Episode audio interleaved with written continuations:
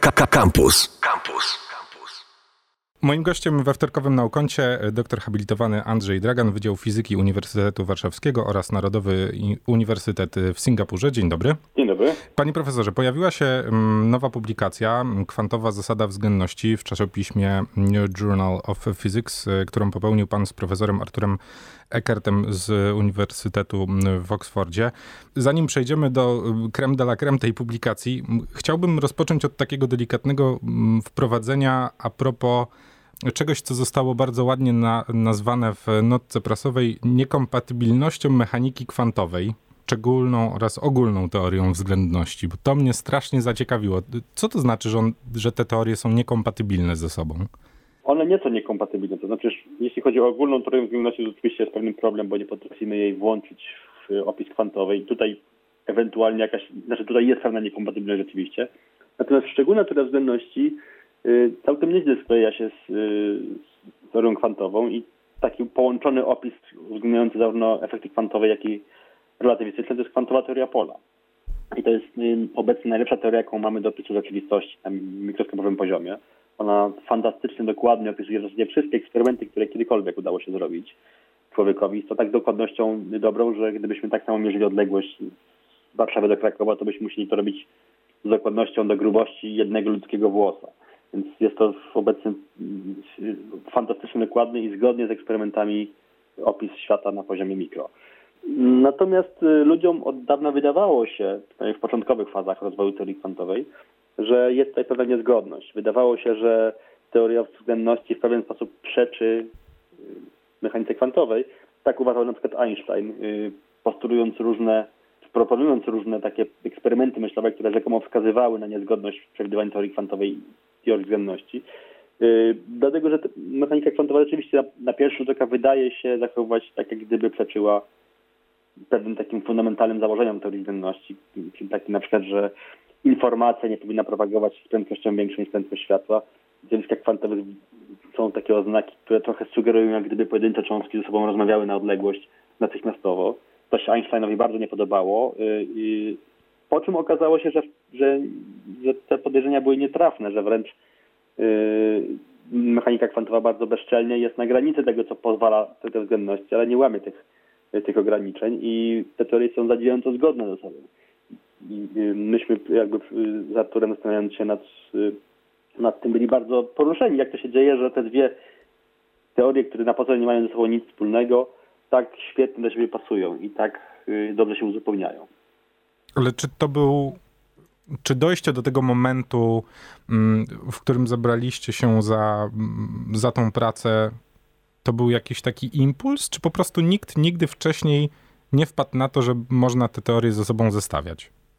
Znaczy, myśmy zrobili coś e, innego niż wszyscy ludzie próbowali, dlatego że wszystkie podręczniki mm, teorii kwantowej piszą to samo, to znaczy są tam pewne postulaty, z których cała ta teoria wynika, Y, takimi postulatami jest chociażby to, że pewne zjawiska kwantowe zachodzą w sposób nieprzewidywalny i jedyne co można wyznaczyć to prawdopodobieństwo, że jakieś zdarzenie zajdzie, ale nie da się przewidzieć dlaczego to zdarzenie zajdzie i kiedy. I nie ma y, skąd tego postulatu wyprodukować. On, on po prostu spada z nieba, wynika z naszych obserwacji y, eksperymentalnych. Są postulaty, które mówią o tym, że układy kwantowe, tak jak cząstki, potrafią zachowywać tak, jak gdyby były w wielu miejscach równocześnie i cząstka, która podróżuje między punktem A i punktem B, to ona nie podróżuje jakąś jedną konkretną drogą, tylko najczęściej jest to wiele różnych dróg i te, w pewnym sensie ta cząstka podróżuje wszystkimi tymi drogami naraz. Yy, tak jakby się trochę rozdzielała na kawałki i jeden kawałek idzie tędy, drugi kawałek idzie tamtędy. Chociaż yy, gdy próbujemy znaleźć te dwa różne kawałki, to zawsze cząstka znajduje się tylko w jednym miejscu. Gdy próbujemy sprawdzić, gdzie ona jest, to ona zachowuje się tak, jak gdyby była w jednym konkretnym miejscu.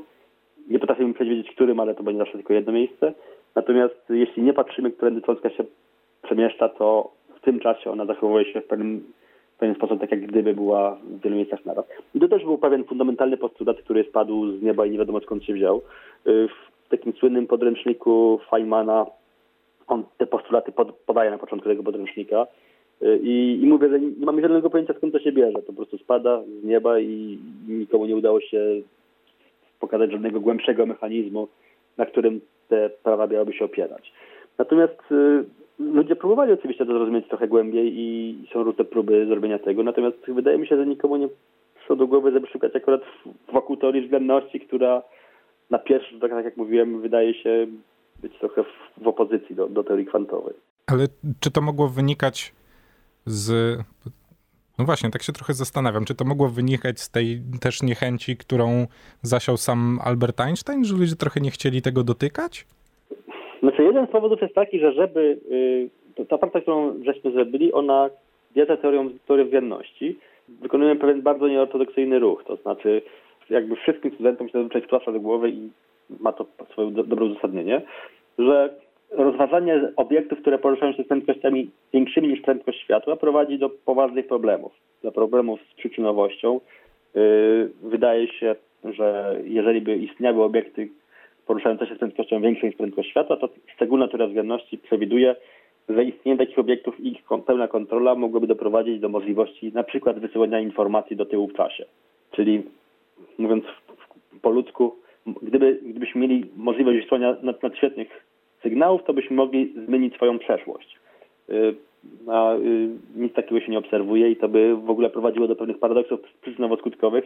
Nie bardzo wiadomo byłoby nawet, jakie są konsekwencje.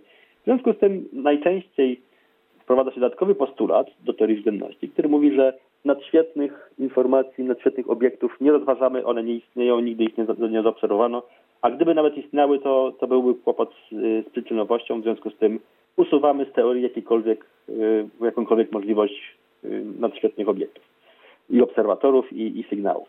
Y, I jakby ten obraz sytuacji jest bardzo rozsądny, no bo trudno powiedzieć, co by się dokładnie działo, gdyby takie obiekty mogły istnieć.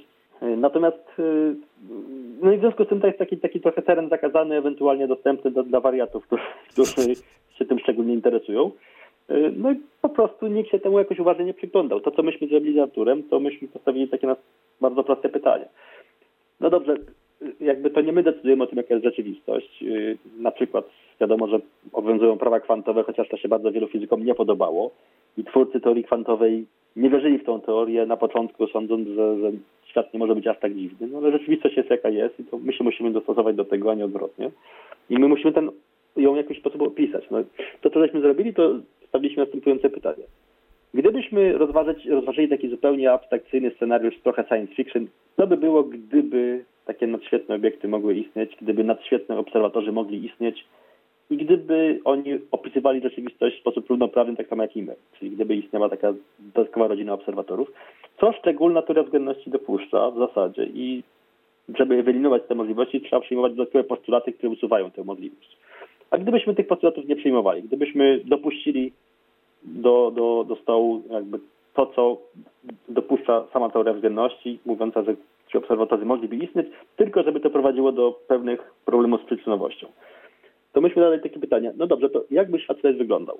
Co by się działo? Jak dokładnie wyglądałyby te paradoksy przyczynowo-skutkowe? Czy rzeczywiście można by wysyłać informacje do tyłu w czasie? Czy rzeczywiście y, można by zmienić swoją przeszłość? A jeśli tak, to co by to znaczyło? No i im, im bliżej się temu przyglądaliśmy, tym z coraz większym zdumieniem się okazywało, że y, rzeczywiście prawa przyczynowo-skutkowe ulegają zmianie w takim, takim wariancie, w takim scenariuszu, ale nie prowadzi to do żadnych paradoksów przyczynowo-skutkowych, tylko prowadzi do zachwiania przyczynowości, dokładnie tak jak to znamy z przewidywań teorii kwantowej. A teoria kwantowa mówi, że pewne zdarzenia dzieją się bez przyczyny, że pewne zdarzenia y, y, są, bardzo, są kompletnie spontaniczne, niedeterministyczne. Mogę na przykład dwa razy powtórzyć identyczny eksperyment i za każdym razem wynik będzie inny. To oznacza, że nie jestem w stanie przewidzieć przyszłości, że taki, takie proste rozumowanie przyczyna-skutek na poziomie kwantowym nie obowiązuje, jest trochę zmienione.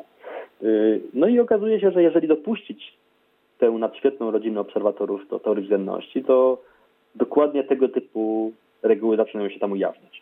No i myśmy postanowili taką tezę, że, że to, co wielu fizykom spadło z nieba w formie postulatów, które się przyjmuje fundamentalnie, żeby wyprowadzić prawa kwantowe, to de facto jest dosyć prosta konsekwencja samej szczególnej względności, tylko nieograniczonej nieco sztucznie do tylko tej podświetnej rodziny obserwatorów, której zazwyczaj yy, o której zazwyczaj się mówi. Czy wynikać może z tego, że jesteśmy coraz bliżej skonstruowania jakiejś głębszej teorii która, no właśnie, pozwoliłaby wyjaśnić zagadkowość tych zjawisk, o których mówimy? No, y, Pytanie, co znaczy wyjaśnić, no bo y, jeżeli wyjaśniam jakieś zjawisko, to chciałbym je wyjaśnić przy pomocy jakiegoś prostszego zjawiska. Y, jak mam jakąś skomplikowaną, jakąś skomplikowaną sytuację chcę je wyjaśnić przy pomocy jakichś prostszych praw. Tak działa fizyka, że skomplikowane obserwacje wyjaśnia się prostymi prawami. No i teraz te proste prawa to są jakieś proste teorie i gdybyśmy chcieli znaleźć coś jeszcze prostszego, y, to oczywiście by nas to ucieszyło, bo byśmy mogli jeszcze bardziej zredukować te prawa fizyki do czegoś jeszcze bardziej elementarnego. Y, no i ludziom wydawało się, że prawa kwantowe są tak elementarne, że jakby nie da się już wejść głębiej, nie ma jakiejś głębszej warstwy, która potrafiłaby wyjaśnić ten mechanizm kwantowy. Natomiast ponieważ szczególna teoria względności opiera się na czymś banalnym, na najtak prawie, jakie sobie można wyobrazić, bo całą teorię względności można w zasadzie wyprowadzić z takiego założenia, że ruch jest tylko względny. Że nie da się wykryć ruchu ze stałą prędkością. Jeśli ja lecę rakietą w pustej przestrzeni kosmicznej ze stałą prędkością, to wszystkie eksperymenty, które w takiej rakiecie mógłbym wykonać, yy, będą dawać dokładnie te same wyniki, jak gdyby rakieta po prostu stała w miejscu.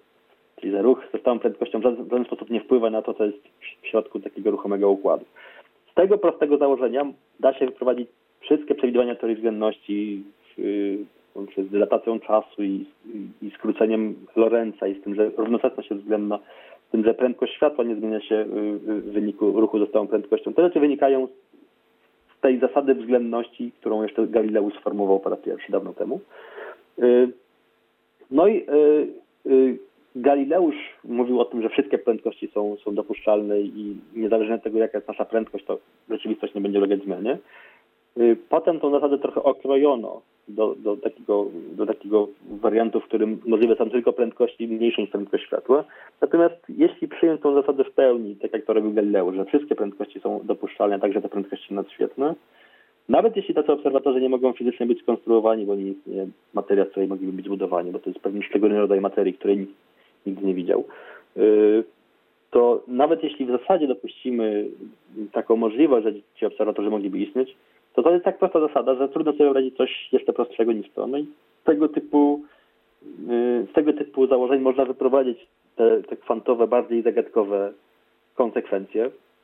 Y, czy to nas zbliży na przykład do zrozumienia y, jakby problemów z, z, przykład z grawitacją, z ogólną teorią względności, to niestety nie wiemy. To jest chyba za wcześnie, żeby coś powiedzieć. Natomiast z całą, znaczy wydaje mi się, że jednym z wniosków z tej, tej pracy jest, jest tak, taka obserwacja, że chyba jest trochę przedwcześnie jeszcze odrzucać tę nadświetną rodzinę obserwatorów y, na gruncie samej, samych argumentów takich logicznych.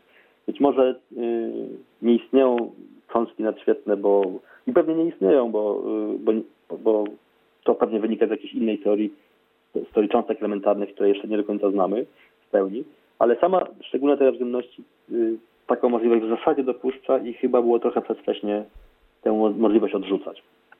Panie profesorze, no muszę zapytać, co dalej w takim razie? Sami nie wiemy. To znaczy, y, Arthur Eckert, który, z którym tą pracę pisaliśmy, y, to jest jeden z najwybitniejszych fizyków y, jakby obecnie żyjących, zajmujący się teorią informacji kwantowej. On jest współtwórcą kryptografii kwantowej i, i trochę ten pomysł Y, nas wszystkich zaskoczył i jak ja się go pytałem, czy on chce wchodzić w ten projekt, to, to tam się go oczywiście nie boi o swoją reputację, on powiedział, a pan chrzanić reputację. Yy, artykuł się zrobił bardzo popularny, bo to obecnie to jest chyba naj, naj, najbardziej czytana praca w tym magazynie, w którym została opublikowana. Tam kilka, 17 tysięcy razy została przeczytana przez ostatni tydzień. Y, została przetłumaczona na jakieś języki y, i, jest ogromne zainteresowanie zewsząd. Natomiast y, nie do końca wiemy, szczerze mówiąc, co dalej. Ja nad tym problemem spędziłem dosyć długo, dużo czasu, długo się nad nim zastanawiałem, miałem jakiś tam wgląd w niego z różnych kierunków. Część tych wyników opublikowaliśmy, część, części jeszcze nie i myślimy jakby co, co dalej, ale sam bym bardzo chciał wiedzieć co dalej tak naprawdę, bo chcielibyśmy na pewno szukać jakichś nowych przewidywań, które potrafiłyby, pozwoliłyby zweryfikować te, te, te propozycje, które stawiamy. Póki co, to, to, co widzimy, to jedynie tyle, że można pewne zagadkowe rzeczy, o których już wszyscy wiedzą od 100 lat, wiadomo jak działa teoria kwantowa, wyjaśnić w nieco inny sposób, nieco, być może nieco bardziej fundamentalny sposób. E, natomiast e, bardzo byśmy chcieli znaleźć jakieś nowe przewidywania i, i wówczas to byłby tak naprawdę jakiś oręż, żeby no, potwierdzić albo, albo odrzucić definitywnie tego typu spojrzenie na, na teorię kwantową. Panie profesorze, to my będziemy obserwować to, co będzie się działo i będziemy czekać na dalsze doniesienia. Czy ja mogę taką delikatną prywatę uskutecznić również na antenie i polecić pana książkę, która no, poniekąd nawiązuje do tego, o czym dzisiaj rozmawiamy, czyli kwantechizm dla wszystkich tych, którzy byliby nieco bardziej, nieco bardziej zainteresowani. Bardzo mi miło. Książka jest, co prawda o tym, o czym dzisiaj rozmawiamy, tam nie piszę, dlatego że to, to był jeszcze taki dosyć wczesny etap naszej pracy nad tym artykułem i chciałem o, o tym wspominać, natomiast mogę wkrótce tą książkę trochę rozszerzywać też o ten temat.